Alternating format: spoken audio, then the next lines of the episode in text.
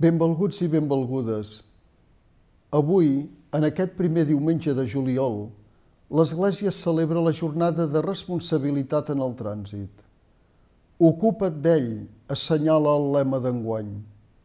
Està pres del passatge del bon samarità quan aquest diu a l'hostaler, referint-se a aquell home malferit, ocupa't d'ell, i quan jo torni a passar et pagaré les despeses que facis de més tant si som vianants com conductors, se'ns convida a passar per la vida com bons samaritans, fent el bé i practicant la misericòrdia en relació amb els altres a imitació de Jesús.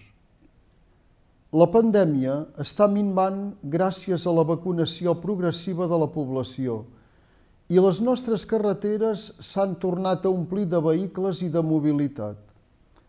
Ser un bon samarità és fer de la carretera una artèria de vida, de seguretat vial, de comunicació, de trobada fraternal, de riquesa cultural i econòmica. La carretera ha d'esdevenir un espai per poder viure la cura i el goig de la família i dels amics. Malauradament, les xifres de morts i ferits als nostres carrers i carreteres es continuen comptant per centenars, normalment a conseqüència d'alguna distracció, principalment per l'ús del mòbil, per l'excés de velocitat o per haver ingerit alcohol, drogues o altres substàncies que limiten els reflexos i l'atenció en la conducció. L'ús del cinturó de seguretat encara és una assignatura pendent per a algunes persones. A més, hi ha alguns conductors que després de provocar un accident de trànsit, fins i tot mortal, fugen sense parar-se a socórrer els accidentats, amb el propòsit de fugir de la justícia i de les seves possibles responsabilitats. Sortosament, però, no tothom pensa i obra d'aquesta manera. Ser bon samarità en el camí et complica la vida, et fa perdre el temps deixant de banda els teus afers i preocupacions. I és que el bon samarità li dol el dolor aliè.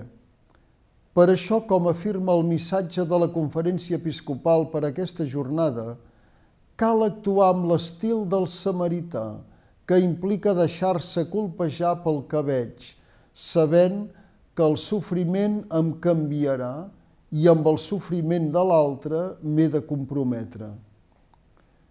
La preciosa tasca de tenir cura de l'accidentat i humanitzar aquests moments s'ha d'exercir segons les circumstàncies i sempre amb caritat, discreció i sense fer nosa.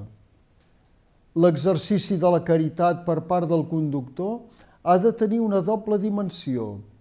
Per una banda es manifesta en la cura del propi vehicle, sobretot en el seu aspecte tècnic. I per altra banda, es refereix a l'estimació pels qui viatgen, siguin o no familiars, no posant en risc les seves vides amb maniobres equivocades o imprudents que poden posar en perill tant els passatgers com els vianants.